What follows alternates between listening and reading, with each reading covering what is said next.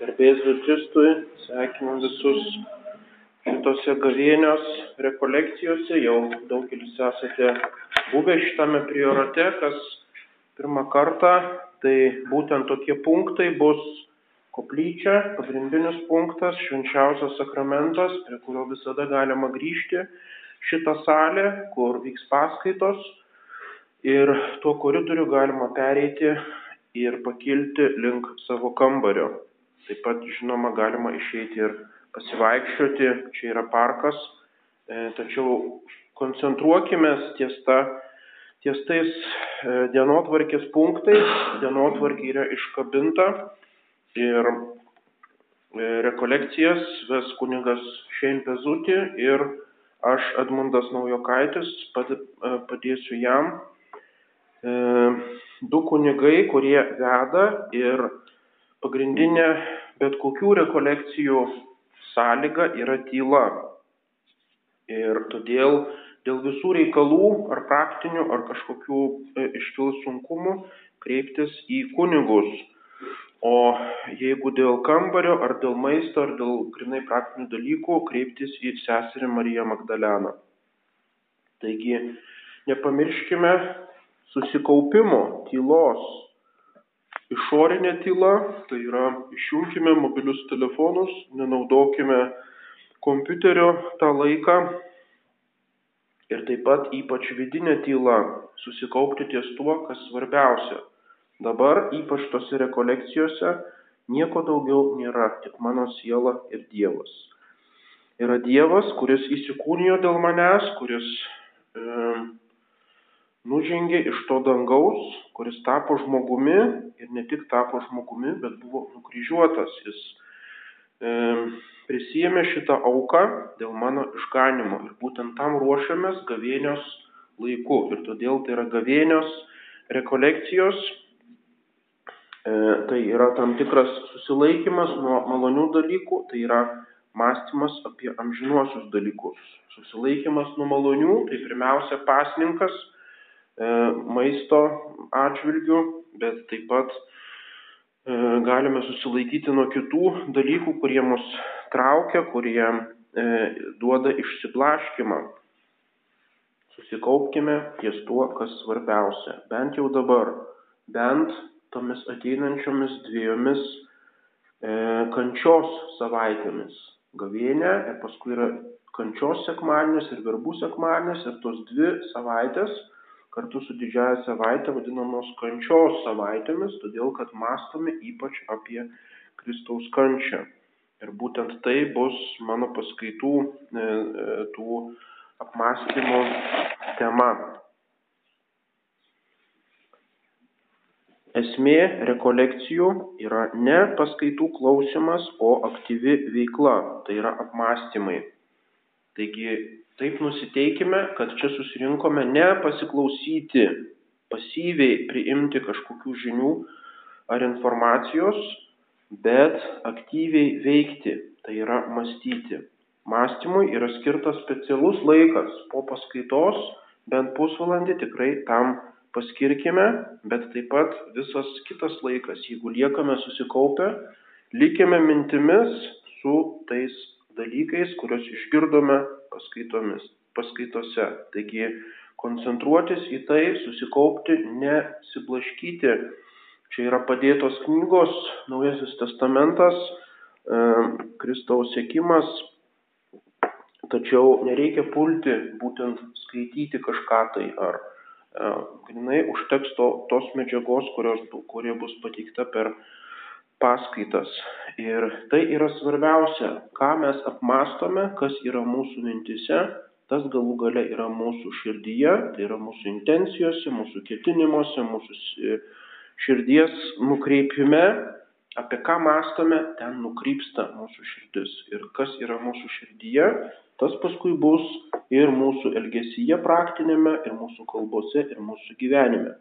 Tai yra esmė mąstymo arba mąstymas yra kaip svarbiausia priemonė nukreipti žmogaus sielą link jos amžinojo tikslo.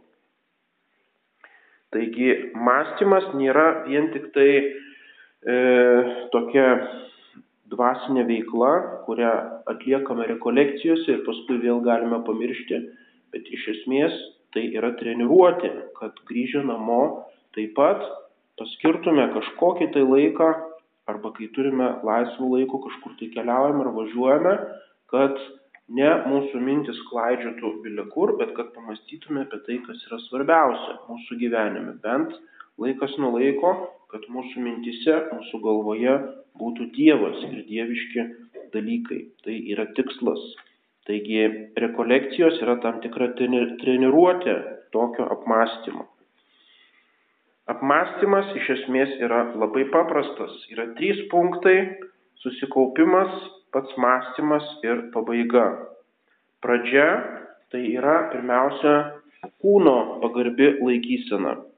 Mm, nėra būtina atsiklaupus mąstyti, nes tada pagrindinis apmąstymo punktas bus, kuris kelias labiau skauda, ar kairys, ar dešinys. E, taigi galima pradžioje priklaupti, jeigu apmąstymą atliekame koplyčioje, o paskui galima atsisėsti. Jeigu kambaryje, galima stovint arba vaikštinėti taip pat, e, tik tai atsigulus nėra gera, geras, gera kūno pozicija mąstyti. Taigi pirmiausia nuraminame savo kūną, paskui nuraminame savo mintis, pagarbiname Dievą, kokią nors trumpą maldą. Paprasčiausiai žvelgiame dabar į nukryžiuotąjį. Mastome apie Kristaus kančią, tasai nukryžiuotasis. E, dažnai savo kambaryje turime krucifiksą, bet pagalvokime, ar taip dažnai jį pažvelgiam, ar atkreipiam dėmesį, ar įsižiūrim į tas Kristaus žaizdas, kuriomis esame atpirkti. Paskui yra pats apmąstymas ir paskui pabaiga. Pabaiga tai yra e, dėkoti Dievui už e, malonės, kurias gavome per tas paslaptis, kurias apmąstėme ir pritaikymas, tam tikras pritaikymas tų apmastytų punktų savo gyvenimui. Pats paprasčiausias tai yra, jeigu Jėzus Kristus už mane tiek daug kentėjo, aš galiu taip pat kai ką pakentėti dėl jo. Arba Kristaus sėkimas.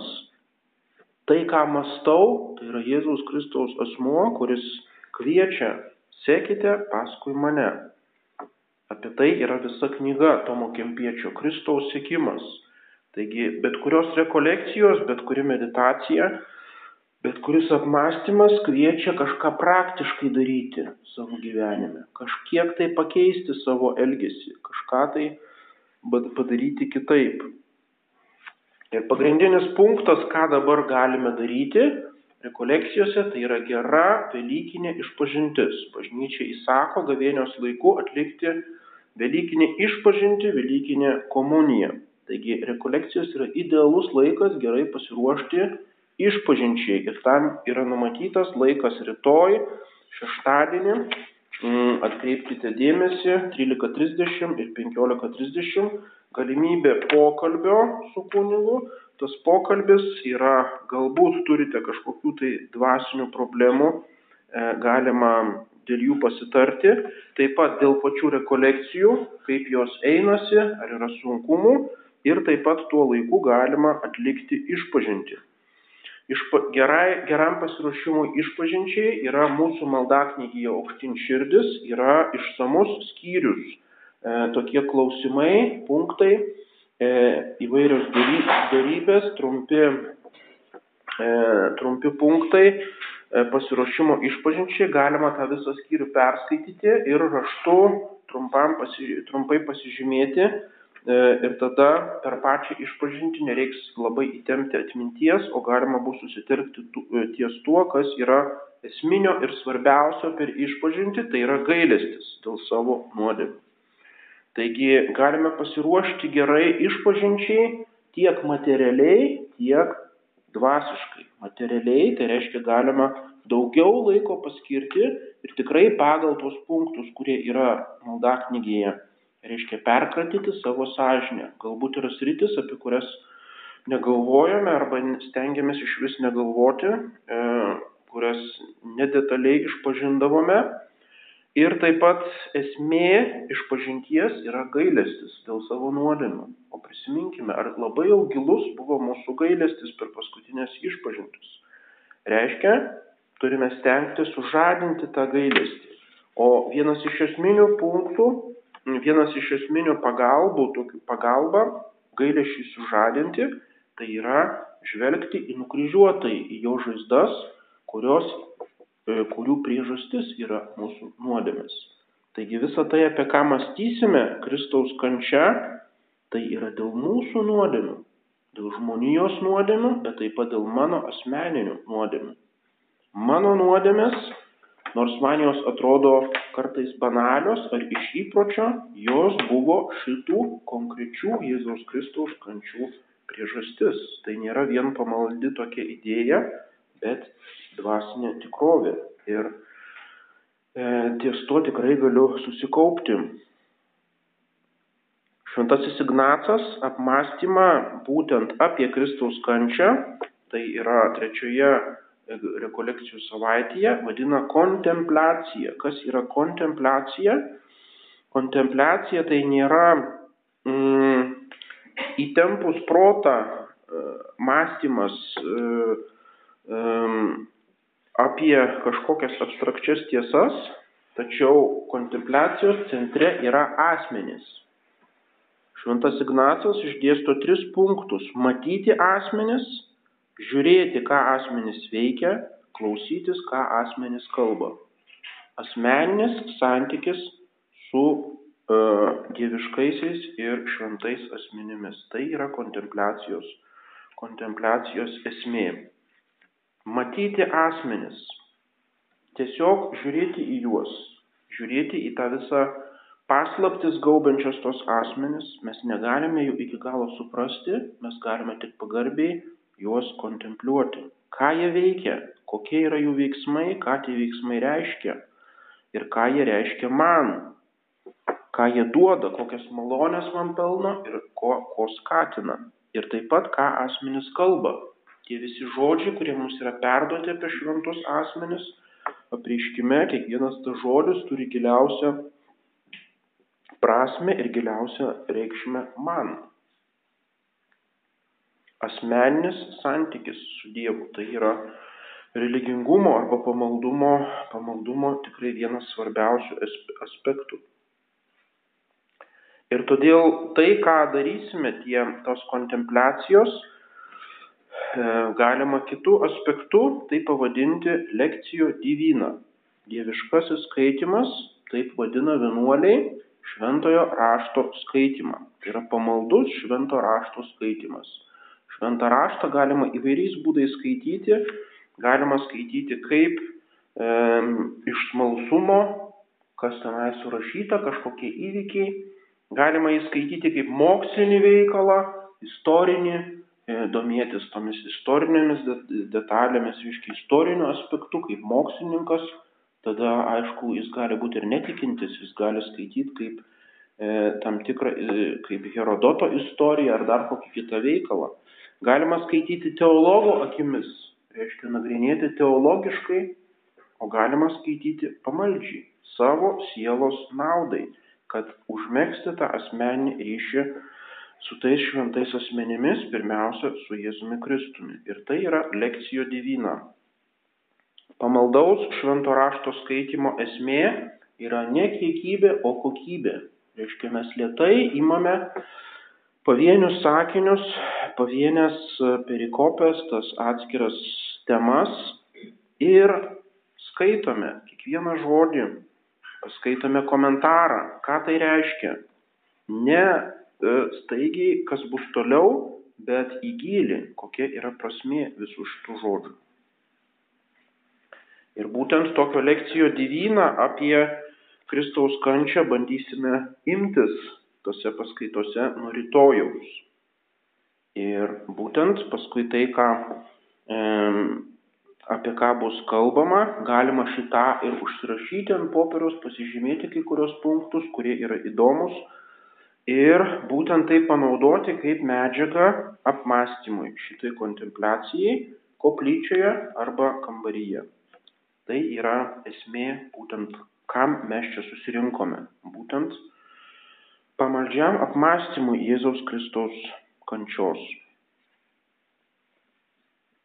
Ir tada po šito apmąstymo yra pabaiga, būtent pritaikome savo gyvenimui, motivuojame save, kad norime sekti Kristų, dėkojame už tas paslaptis, už tas malonės, pasiryštame e, pagerinti savo gyvenimą pagal savo jėgas, bendradarbiauti su Dievo malonė. Tai yra pabaiga apmąstymo.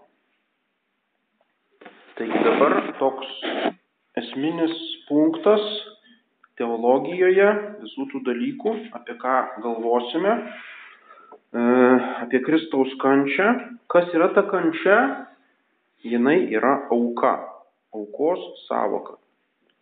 Tik mūsų tikėjimas sako, Dievo sūnus įsikūnijo pirmiausia dėl to, kad mus atpirktų iš nuodėmių. Jeigu nebūtų Adomo ir Dievos puolimo, greičiausiai nebūtų ir įsikūnymo, tai yra Dievo sūnaus tapimo žmogumi. Tokia yra tomistinė teologija.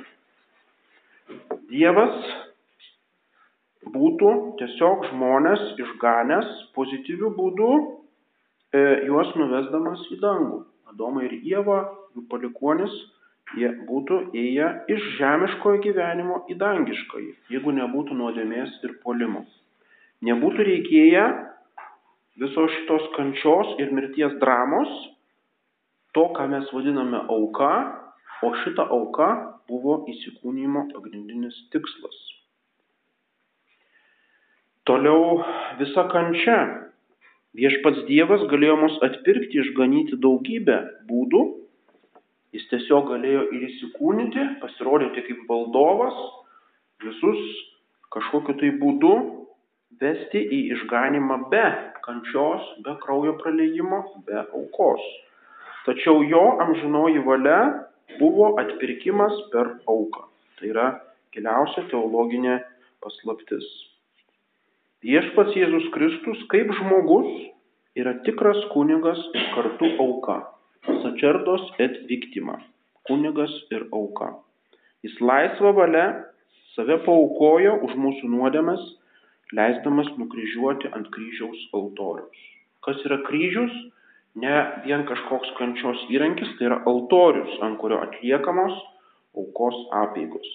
Tai buvo tikra krūvinoji permaldavimo auka, kuria Jėzus Kristus realiai atpirko visų laikų visų kraštų, visų žmonių nuodėmes.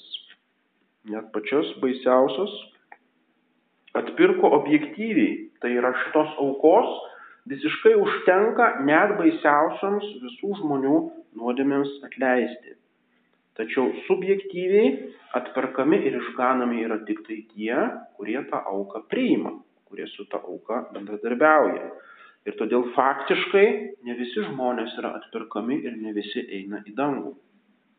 Tačiau pačios aukos su kaupu užtektų, kad iš tikrųjų visus žmonės išganyti ir nuvesti į dangų. Ir tai yra Naujojo testamento auka, šito negalėjo padaryti Senojo testamento aukos, kurios te buvo tik tai žmogaus atgailos ženklas, tai buvo simbolis E, žmogus sužadindavo savo atgailą ir dėl to paukodavo kažką iš savo turto. Jėzaus Kristaus aukos provaizdis Senojo testamento aukos. Ir kad visų laikų, visų kraštų žmonės galėtų realiai dalyvauti toje krūvinoje kryžiaus aukoje, kad galėtų savo pritaikyti būtent tos aukos nuopelnus ir realiai pasiekti išganimą, Jėzus Kristus prieš mirtį įsteigė šventasias mišes, kultinę auką, bet ne krūviną. Tai yra kalvarijos auka, yra krūvinoji auka, šventųjų mišių auka yra nekrūvinoji auka. Tačiau šitos šventos mišios kaip auka nėra atskira ar savarankiška auka, tačiau tai yra sakramentinis krūvinosios aukos sudabartinimas tiesiog padarimas čia ir dabar esančių įvairiose pasaulio vietose įvairių laikų. Tai yra žinoma paslaptis, kaip tai įmanoma, teologai dėl to laužo galvą. Tačiau tai yra realybė. Tai, kas vyksta ant altoriaus, yra identiška su tuo, kas vyko ant Kalvarijos kalno. Tai yra ta pati auka. Nauja, Sename testamente buvo daug aukų, kurios buvo kartojamos. Naujame testamente yra tik tai viena vienintelė auka, kuri yra sudabartinama įvairiose vietose nekrūvinų būdų arba sakramentiniu būdu. Sakramentum tai reiškia paslaptis, misterijum, paslaptingų būdų kuris nėra matomas fiziškai akimis. Mes nematome, kaip Jėzus Kristus ateina ant altoriaus, tik tai šventieji, kai kurie šventieji turėjo tą malonę matyti tą tikrą e, krūviną, tą tikrą aukojimo aktą. Mišių esmė yra konsekracija ir jos žodžiais sakramentiškai sudabartinamas Kristaus kūno ir kraujo atskirimas Tai yra pirmiausia, kunigas konsekruoja duoną, jinai virsta Kristaus kūnu, o paskui konsekruoja vyną, kuris virsta Kristaus krauju. Jis nekonsekruoja abiejų kartu. Jis nesako štai e, Kristaus kūnas ir kraujas, bet pirmiausia viena konsekracija, o paskui kita konsekracija. Ir būtent tas dviejų, dvi skirtingos konsekracijos reiškia sakramentinį arba paslaptingą atskirimą kūną nuo kraujo. O kur kraujas atskiriamas nuo kūno, ten ateina mirtis. Ten, reiškia, gyvybė yra paukojama. Tai yra atperkančioji Jėzaus Kristaus mirtis. Todėl auka, kunigas, altorius tai yra kirtinės katalikų religijos savokos. Ir todėl velnės e, taip puola šitas savokas jau nuo seniausių laikų Ir tas puolimas ypač sustiprėjo protestantizmo laiku, modernizmo laiku šiais, e, šiais laikais. Nieko nėra labiau nekenčiamo, kaip būtent šitas auka, permaldovimo auka, kunigas, altorius, kunigystė. Tai yra atakuojama, taigi tai yra nepaprastai aktualios temos. Modernistams Tarkim, paskaitykim Dreverman arba Kasper. Kas buvo Jėzus Kristus? Jis buvo pasaulietis. Nebuvo kunigas, jis buvo pasaulietis. Kadangi jis buvo ne iš Aarono giminės kunigiškos, o iš Judo arba Dovido giminės. Ir jisai savo vaikštinėjo po Palestiną, visas jos skelbimas buvo toksai pamokslavimas, visa jo veikla buvo pasaulietiška. Reiškia, jis nebuvo kunigas, taip mano modernistai. Ir sako, žiūrėkite, pats savęs Naujame testamente Jėzus Kristus nevadina kunigu. Jis tik norėjo skleisti tokį sudvasintą judaizmą, oponavo fariziejiškam to meto klerui, reiškia to meto kunigams, buvo net opozicijoje šitiems kunigams. Ir už savo norą padėti žmonėms mirė kankinio mirtimi. Tai yra kankinystė. Kankinystė tai nėra auka, kankinystė, kai aš pasyviai e, priimu mirtį. Ta mirtis tik tokia netiesioginė, perketinė prasme gali būti pavadinta auka, taip kaip kareivio pasiaukojimas dėl tėvynės arba kankinio mirtis reiškia kaip auka, bet iš tikrųjų tai nėra auka. Auka tai yra aktyvus mano paties veiksmas. Ir sako, tik tai e, apaštalas Paulius arba laiško žydams autorius sugalvojo, kad Jėzus Kristus yra kunigas. Tai yra prilipino prie jo šitą savoką kunigystės, kad jis paukojo auką ant kryžiaus. Ir iš to modernistai seka, kad mišios irgi yra tik perkeltinė prasme auka, tiesiog bendruomenė susirenka prie stalo ir puotauja. Ir tas e, stalas tai yra stalas, tai nėra joks altorius ant stalo laužo duoną ir geria vyną, taip kaip šiaip ant stalo mes puotaujame, prisimindami geradarį mokytoją Jėzų. Ir tai darome Dievui pagarbinti, jam padėkoti, tai yra Euharistija. Euharistijai dėkoti. Labai tokia įtaigi modernistų teorija. Ir tada šitam bendruomenės, šitam pasibuvimui puotai vadovauja bendruomenės išrinktas susirinkimo vadovas arba pirmininkas. Jis nėra joks kunigas, ta prasme, kuris aukoja kaip toks iš savo e, kunigiško įgaliojimų auką. Ir todėl mišios nėra kultinė auka Dievo permaldavimui už mūsų nuodėmes, nėra nei kunigo, nei, uh, nei tikros kunigystės, nei tikros aukos, nei altoriaus.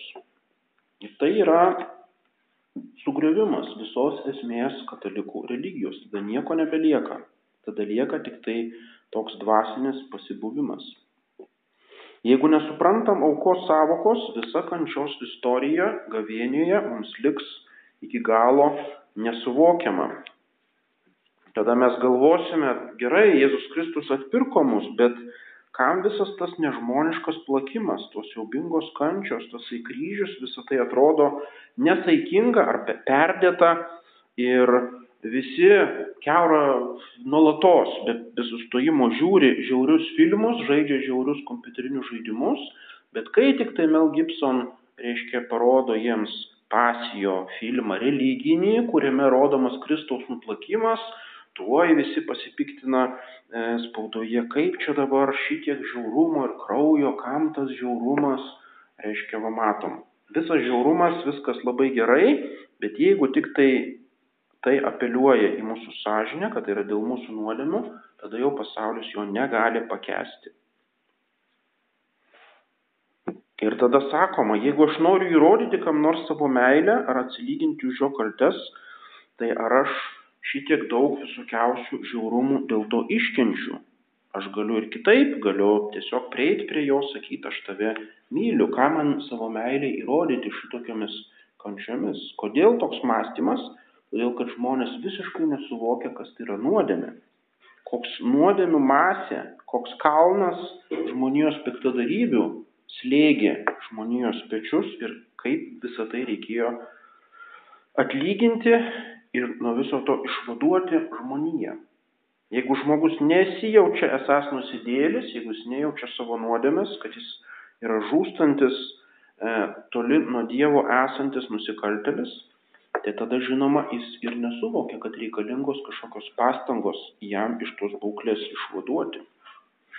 Ir tada tas modernus žmogus bijo krucifikso, jis nemoka garbinti Jėzaus žaizdų, jis neturi pamaldumo Kristaus kraujui, nedrįsta detaliai apmastyti visų jo kentėjimo, e, kadangi visa tai pernelyg fiziška, pernelyg kūniška, brutalu ir e, visiškai ne jo skoniui. Religija turi būti tokia dvasinė, pamaldi, grinai dvasinga. O čia yra naujųjų laikų toksai gnostinis mąstymas.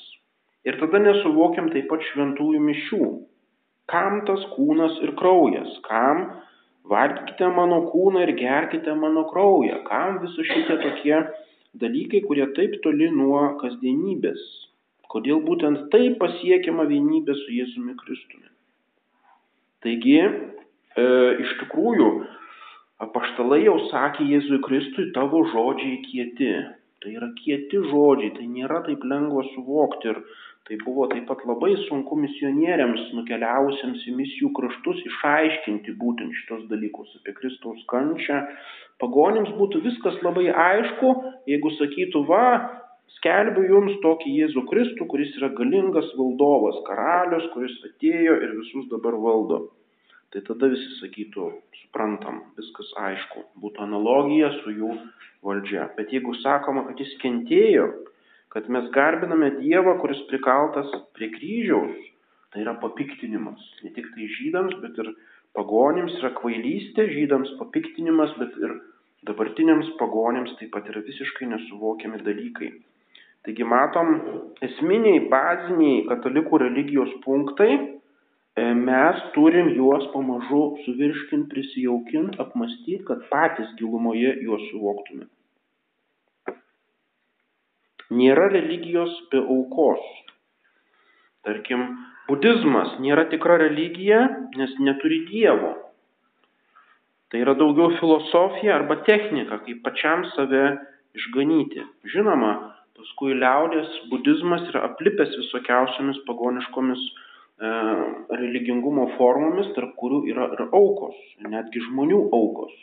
Lamaizme Mongolijoje būdavo aukojami žmonės būdavo net valgoma, reiškia, būdavo kanibalizmas. Tai iš tikrųjų yra taip pat budizmo elementas. Arba judaizmas. neturi aukos, kadangi sugriauta Jeruzalės šventykla. Pagal Senąjį testamentą vienintelė aukos vieta buvo Jeruzalės šventykla, jinai buvo sugriauta ir todėl dabartinis judaizmas yra fundamentaliai kita religija negu mozaizmas, Mozės religija prieš Jėzų Kristų. Tai yra tam tikras testinumas su Senojo testamento religija, bet kita vertus tai yra kita religija.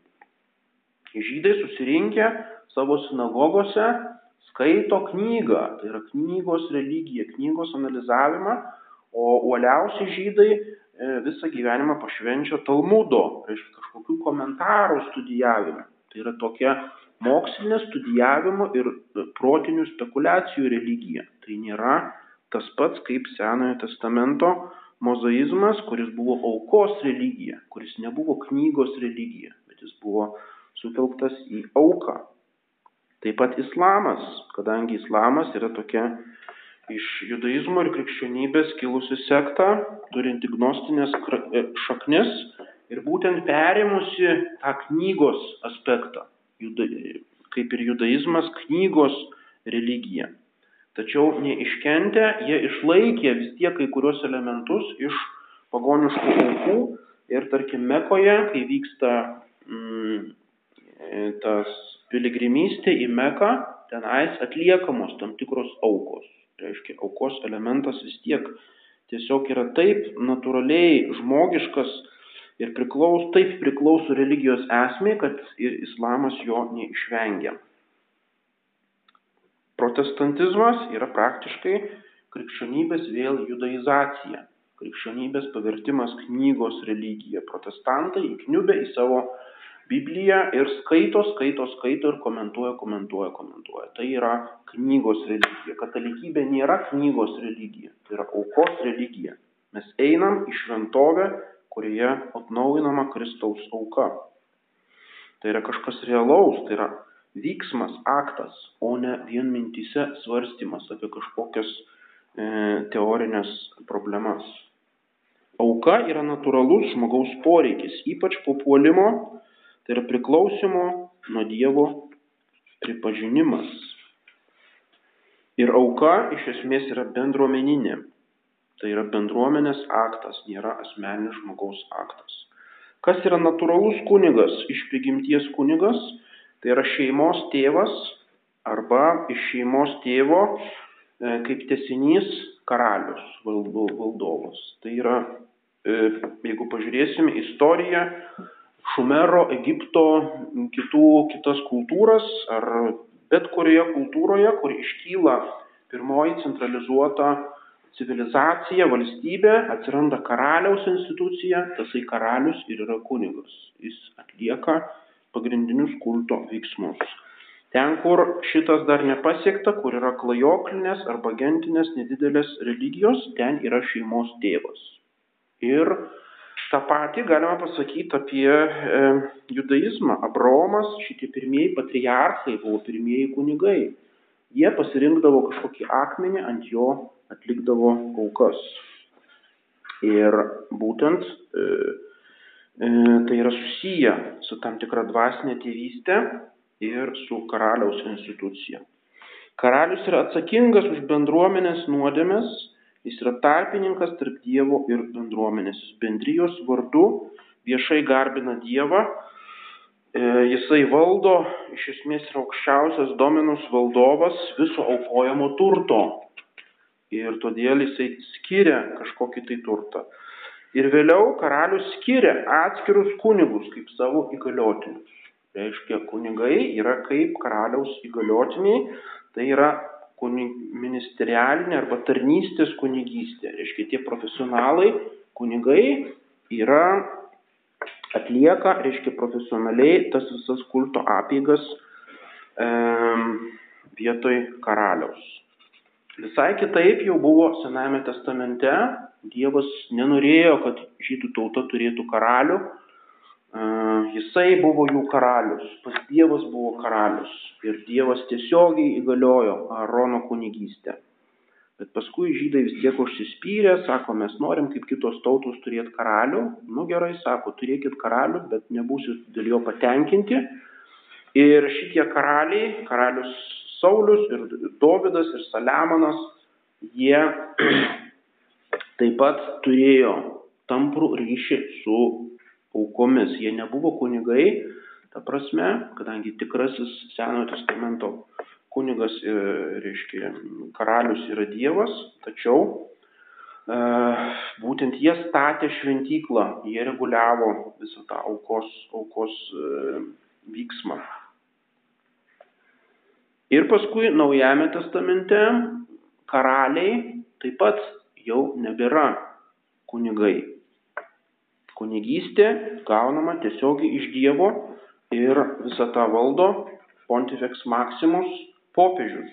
Taigi tai jau yra atskirti šitie dalykai, bet e, būtent dėl to dar būdavo nesusipratimų, per visus viduramžius vykdavo ginčiai, reiškia, tęsdami šitą pagonišką tradiciją, krikščionių karaliai irgi sakydavo, mes esam tarpininkai tarp Dievo ir žmogaus, mes esam šitie pagrindiniai kunigai, todėl karalius turi valdyti e, kunigystę ir tai yra, buvo pagrindinis ginčas tarp popiežiaus ir imperatoriaus ir karalių, investitūros ginčas ir taip toliau. Reiškia, Naujojo testamento laikais politiniai valdovai jau nebeturi šitos kunigiškos funkcijos. Tačiau jie vis tiek turi tam tikrą religinį aspektą ir būdavo vadinami e, vyskupais išoriniams reikalams. Karalius pagal krikščionišką tradiciją yra vyskupas išoriniams reikalams, netikėjimo reikalams, ne vidiniams bažnyčios, bet politiniams tai, kas supa, tai, kas saugo kunigystę ir bažnyčią. Taigi pagrindinė karaliaus funkcija yra apsaugoti bažnyčią, apsaugoti šventovės ir kunigus, sudaryti sąlygas, politinės, materialias sąlygas kulto vykdymui. Ir tam jis yra išventinamas, tam jis yra patepamas, tam jis yra karūnuojamas popiežiaus arba vyskupų. Kunigas yra hierėjus graikiškai arba latiniškai stačerdos, sakrum dans, tas, kas duoda šventus dalykus. Taigi tiksliausias žodis yra rusų kalboje svešienik. Tai yra kunigas. Tas, kas duoda šventus dalykus. Hierėjus. Hieros šventas. Sakradans. Įgaliotas tarpininkas tarp Dievo ir žmonių. žmonių. Germanų kalbose tai yra priest arba priester, tai yra pretra, tai yra iš tėvas. Reiškia, kunigas yra tėvas dvasinė tėvystė. Lenkų, lietuvių kalbose tai būtent dar yra ta testastinumas su karaliaus e, kunigystė. Reiškia, Lenkų kalboje yra du labai panašus žodžiai. Kščions tai yra kunigas ir kščionžen tai yra kunigaikštis. Tas pats praktiškai valdovas atlieka kunigiškas funkcijas, o kunigas kaip kščions yra toks kaip testinumas šito kunigaikščio. Panašiai lietuviškai, kas yra kunigas, tai yra valdovas lietuvių genčių. Būdavo Mindaugas kunigas būdavo. Tik paskui, kad atskirtų nuo šitų kunigų, tai įvedė tokį atskirą žodį kunigaikštis. Yra kunigas, kunigaikštis. Būtent tai, kas duoda kažką tai šventą. Tai yra tokia kaip definicija kunigystės. Ir štai aukščiausiasis tikrasis kunigas Naujame testamente yra Jėzus Kristus, kuris taip pat yra ir karalius. Jis yra karalius ir kaip karalius yra ir kunigas. Taigi matom tą glaudų ryšį kunigystės ir karalystės. Kristaus socialinė karalystė glaudžiai susijusi su jo kunigiška tarnystė. O kas yra auka? Tai yra laisvo valia Dievui atiduodama nuosava gerybė, tai ką pats turi, kas tau priklauso, kaip savęs paties atidavimo ženklas, siekiant keturių tikslų. Tai yra garbinimas, tai yra padėka, prašymas ir atgaila arba permaldavimas. Garbinimas tai reiškia garbiname Dievą. Dievo garbinimo aktas. Padėka dėkojama už viską, ką esame gavę iš Dievo. Prašymas, prašome to, ko mums reikia šitame ir amžinajame gyvenime. Ir galiausiai permaldavimas, tai yra prašome, melžiame atgail, atgailų atleidimo už mūsų nuodėmes. Yra du aspektai aukoje - dvasinis vidinis atidavimas arba intencija ir išorinio fizinio daikto paukojimas kaip tos intencijos išreiškimas. Plačiaja prasme visos mūsų maldos, geri darbai, sunkumų pakelimas arba įžadai yra tam tikra auka. Mes kažką tai atiduodame savo pastangų, savo jėgų. Jeigu duodu išmaldą vargšui, jeigu paukoju gyvybę už tėvynę, tai yra tam tikra auka, bet tik tai plačiaja prasme.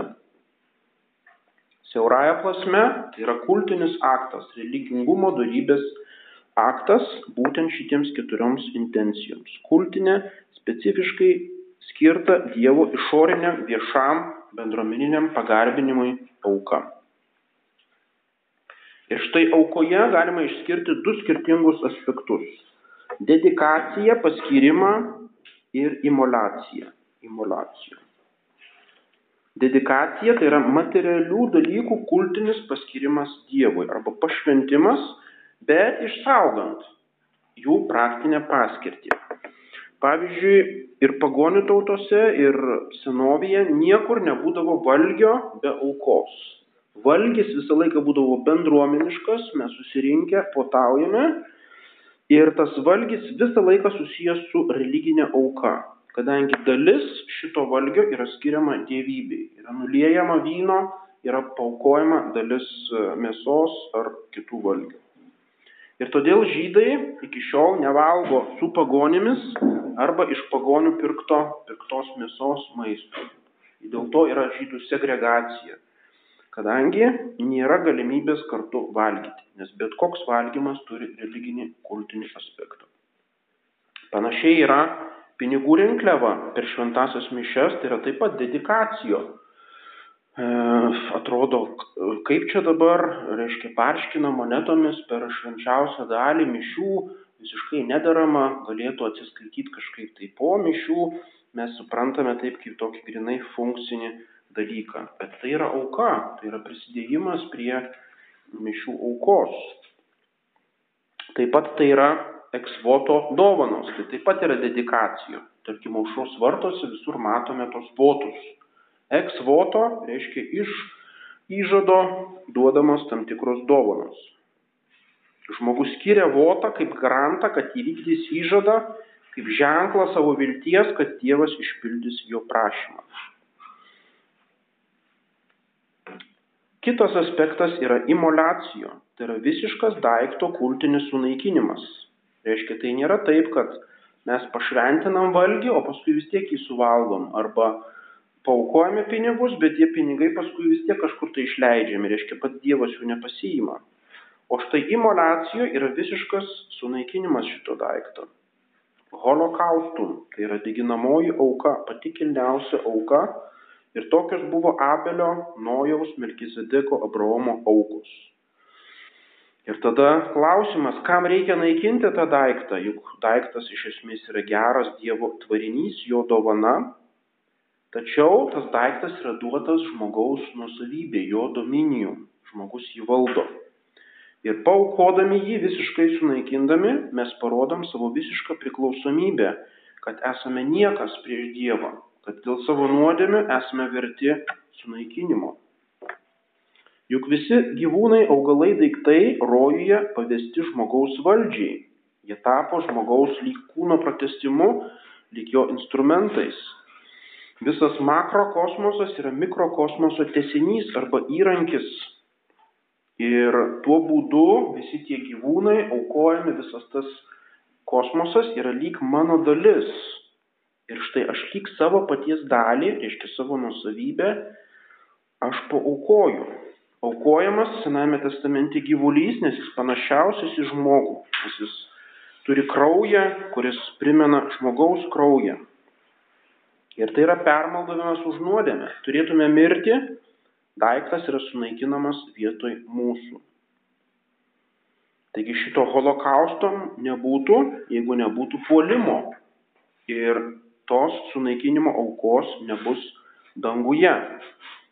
Danguje bus grinai dvasinis Dievo garbinimas, nebus šitų materialių dalykų naikinimo. Štai reikalinga tik tai žemiškame gyvenime, kol esame susiję su žemiškais daiktais ir kol iki galo nesame atpirkti. Tas daiktas yra sudeginamas, jis virsta dūmais, lyg jis perkeičiamas į dvasinę būtį. Kaip rašo šventame rašte, malonus kvapas Dievui, kuris kyla į dangų.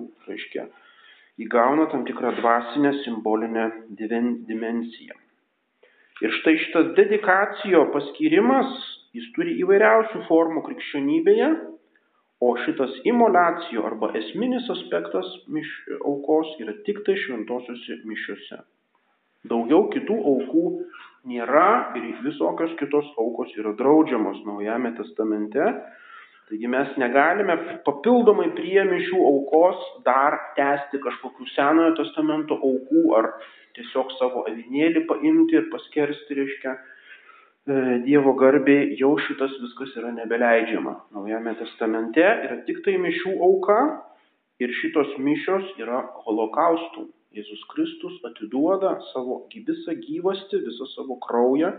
Jis yra tas Naujojo testamento aukos avinėlis, kuris aukojasi dėl mūsų. Taigi tai nėra šiaip savo dedikacijo. Tai nėra kažkoks tik tai e, pagerbent Dievą paskirimas dalyko, kuris paskui vis tiek lieka mm, žemiškoje plotmėje. Kristus kaip permaldavimo auka yra sunaikinimo auka. Jis pats save paaukoja iki galo atiduoda save už mus.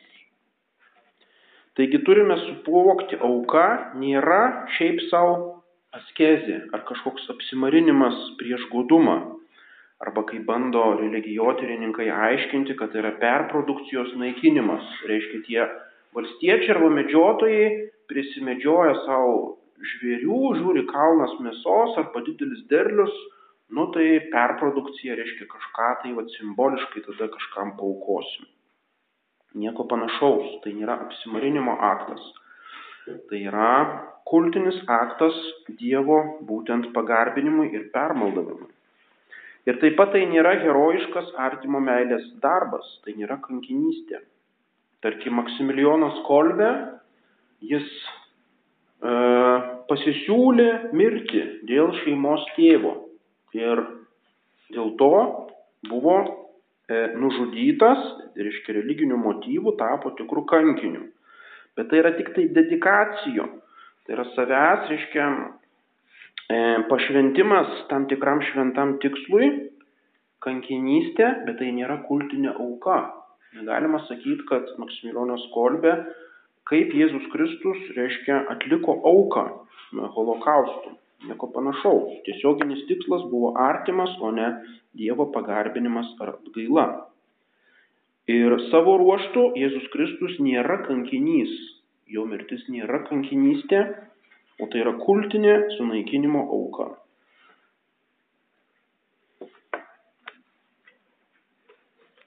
Auka gali būti skirta tik tai Dievui, ne mergeliai Marijai, ne šventiesiems, ne kažkokia kita intencija nes nuodėmė buvo padaryta tiesiogiai prieš Dievą.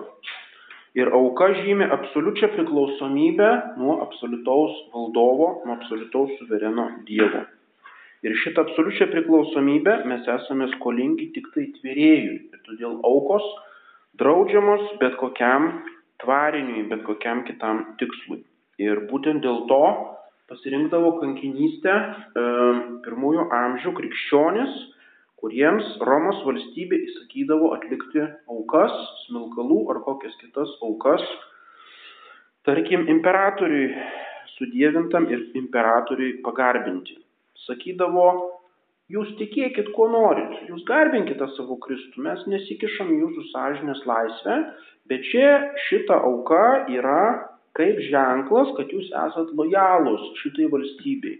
Tai yra formalus aktas, mes visai ne, ne, nelendam į jūsų širdį, ar jūs tuo tikit ar netikit, mums visai neįdomu. Tiesiog va prieik mechaniškai, pabarstyk smilkalų ir eik savo. Užrašysim tave į knygą, turėsi ramybę, galėsi eiti savo katakombas ir melstis.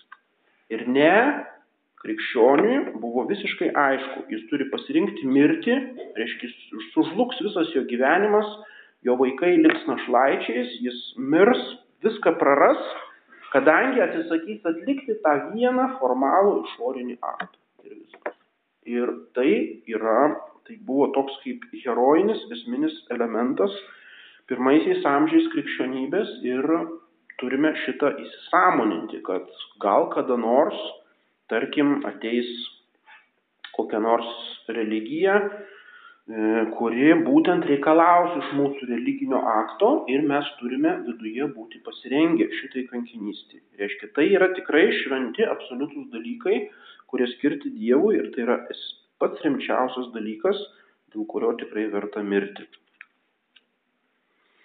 Kryžiaus mirtis yra tikra kultinė auka. Kristaus žudikai nebuvo kunigai.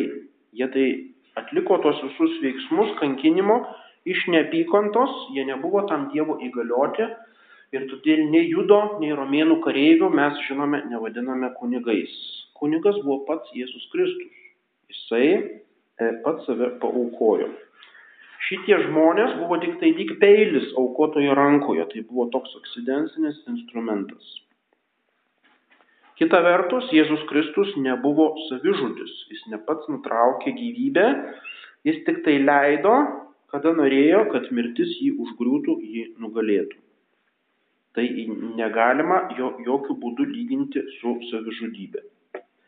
Jis nepasidavė mirčiai grinai pasyviai, taip kaip mes, reiškia, kenčiame, paskui ateina agonija ir nieko nebepadarysi, numiršti, bet kaip tik nugalėjo mirtį, išplėšė mirties gelonį, aktyviai atėmė jos jėgą, būtent nes nugalėjo per savo auką tai, kas buvo mirties priežastimi, tai yra nuodėmė.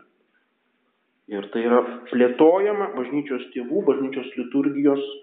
Jis atidavė savo gyvybę tada, kada norėjo. Jono Evangelija 10.18. Niekas neatima gyvybės iš manęs, bet aš pats ją laisvai atiduodu.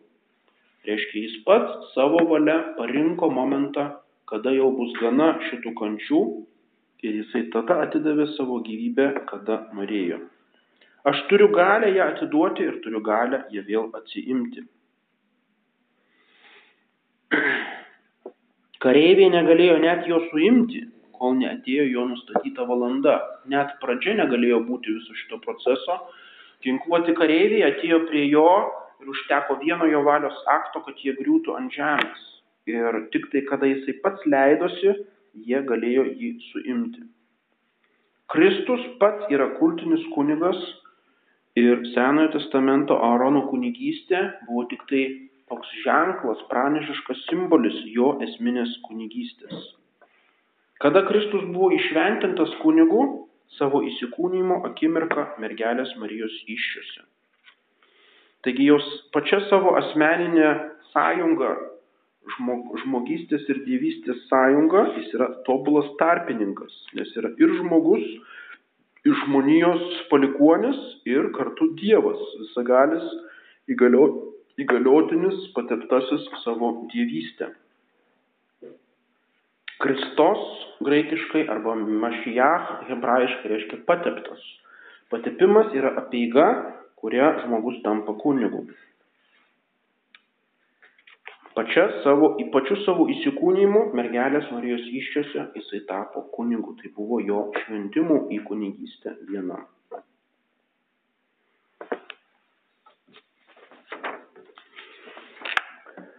Iza, Izaijas 53 skyrius. Jis prisijėmė mūsų negalės, savo užsikrovė mūsų skausmus. Jis buvo sužalotas dėl mūsų nusižengimų, ant jo krito kirčiai už mūsų kaltes. Bausmė ant jo krito mūsų išganimui ir mes buvome išgydyti jo žaizdomis. Izaijas, kuris vadinamas Senojo testamento evangelistu, čia keliuose žodžiuose išreiškia visą esmę. Jis prisijėmė savo užsikrovė mūsų skausmus. Reiškia, tai yra aktyvus aktas. Jėzus Kristus buvo ne šiaip kankinys, persekiojamas, bet jis prisijėmė ant savęs taip, kaip norėjo, kada norėjo, kiek norėjo ir leido ateiti mirčiai tada, kada pats pasirinko. Tai buvo jo kontroliuojamos, galima sakyti, apėgos visą šitą kančios istoriją. Ir dėl ko visa tai? Jis buvo sužalotas dėl mūsų nusižengimo, ant jo krito kirčiai už mūsų kaltes. Yra permaldavimo auka dėl mūsų nuodėmių. Esminis šventųjų mišių elementas, svarbiausia kalvarijos aukos intencija - permaldavimas dėl nuodėmių. Bausmė ant jo krito mūsų išganimui ir mes buvome išgydyti jo žaizdomis. Tai jau yra gydimo elementas arba tai, kas plaukia iš aukos, tai yra sakramentas. Šventosios mišių aukos kaip vaisius tai yra komunija arba švenčiausias sakramentas, kurį, kurį mes priimame ir kuris gydo mūsų sielos žaizdas, mus perkeičia. 110 psalmė. Viešpats prisiekė ir neatsižadės. Tu esi kunigas amžinai Melkizedeko būdu. Kreipiasi. Tėv, Dievas tėvas į Mesiją, Dievo sūnų. Tu esi kunigas amžinai, tu esi nelaikinas kunigas, taip kaip Senojo testamento kunigai, bet esi amžinas kunigas. Ir esi kunigas ne Aarono būdu, reiškia, nes bus įkilęs ne iš Aarono giminės ir netarnausi Jeruzalės šventykloje ir neaukosi šitų krūvinų e, gyvulių aukų, bet Melkizedeko būdu. O Melkizedekas buvo tasai kunigas, paslaptingas kunigas, kuris aukojo Abraomui, Abraomo laikais kūn, e, duonos ir vyno atnašas, reiškia, e, nekrovinais pavydalais. Jono pirmas skyrius, Jonas Krikštytojas. Štai Dievo avinėlis, kuris naikina pasaulio nuodėmes. Reiškia, Jonui Krikštytojui šventosios dvasios buvo leista suprasti, kad tas Jėzus Kristus bus ne šiaip savo pranašas ar mokytojas, rabi ar um, kankinys kažkoks, bet jis bus avinėlis, reiškia auka, kuris naikina pasaulio nuodėmę, kuris bus skirtas visų pasaulio nuodėmių atpirkimui, nuplovimui. Tai buvo tikrai pranašiška e, vizija. Pirmas Jono laiškas, antras skyrius. Jis yra permaldavimas už mūsų nuodėmis. Ir ne tik už mūsų, bet ir už viso pasaulio. Reiškia, ne tik tai, kad jis atliko permaldavimą, bet jis yra permaldavimas. Reiškia, paštalas Jonas suvokė tą giliausią teologinę prasme, kad tai buvo Jėzaus Kristaus įsikūnymo priežastis būtent šita auka. Jis tam atėjo ir iš vis tam tapo žmogumi, kad būtų permaldavimu kaip pats, reiškia savo visų asmenių pats pasiaukotų permaldavimas už mūsų nuodėmes. Laiškas Efeziečiams penktas skyrius. Kristus pamilo jūs ir atidavė už mus save kaip atnašą ir kvapę auką Dievui. Atidavė už mus save, tai kunigiškas veiksmas, kaip atnašą ir kvapę auką Dievui. Laiškas romiečiams trečias skyrius. Dievas jį paskyrė permaldavimo auka, jo kraujo gale veikiančia per tikėjimą. Pirmas korintiečiams. Pascha nostrum immolatus es Kristus lotyniškai. Mūsų pascha tai yra šitas perėjimo e, e, avinėlis Imolatus, imolacijo reiškia visiškas sunaikinimas, paukojimas ir šita pascha yra Kristus.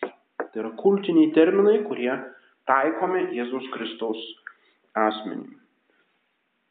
Gerkite iš tos taurės visi, nes tai yra mano kraujas, sandoros kraujas, kuris už daugelį išliejamas nuodėmėms atleisti. Taip nurodomas pagrindinis šventųjų mišių tikslas tai yra nuodėmių atleidimas, tai yra permaldavimas už nuodėmes. Ir plačiausiai šita kunigystės tema išplėtota laiškė žydams. Jis turėjo tapti panašus į brolius, kad būtų gailestingas ištikimas Dievui vyriausiasis kunigas ir galėtų permaldauti už tautos nuodėmes. Kiekvienas vyriausias kunigas imamas iš žmonių ir skiriamas atstovauti žmonėms pas Dievą, kad atnašautų dovanas ir aukas už nuodėmes išreiškiama tarpininkavimo idėja. Jėzus yra mediator dėjai, tarpininkas tarp Dievo ir žmonių, imamas iš žmonių ir atstovauja juos pas Dievą, kad atnašautų dovanas ir aukas už nuodėmes. Kraujas Kristaus, kuris per amžinąją dvasę paukojo save kaip nesutepta auka Dievui, nuvalys mūsų sąžinę nuo mirties darbų. Kristus buvo vieną kartą paukotas, kad nuimtų visų nuodėmes.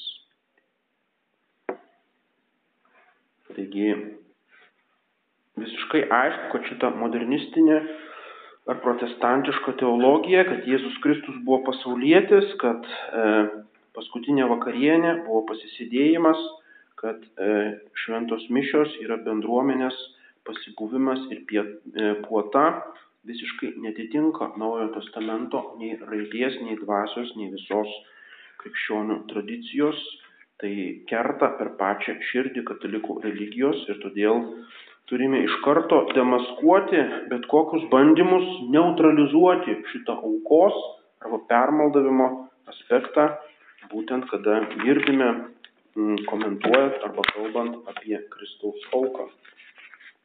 Dabar eikime į koplyčią, bus kryžiaus kelias, po kryžiaus kelio bus šventosios mišios. Taigi kryžiaus kelyje, kryžiaus kelio esmė yra mąstymas.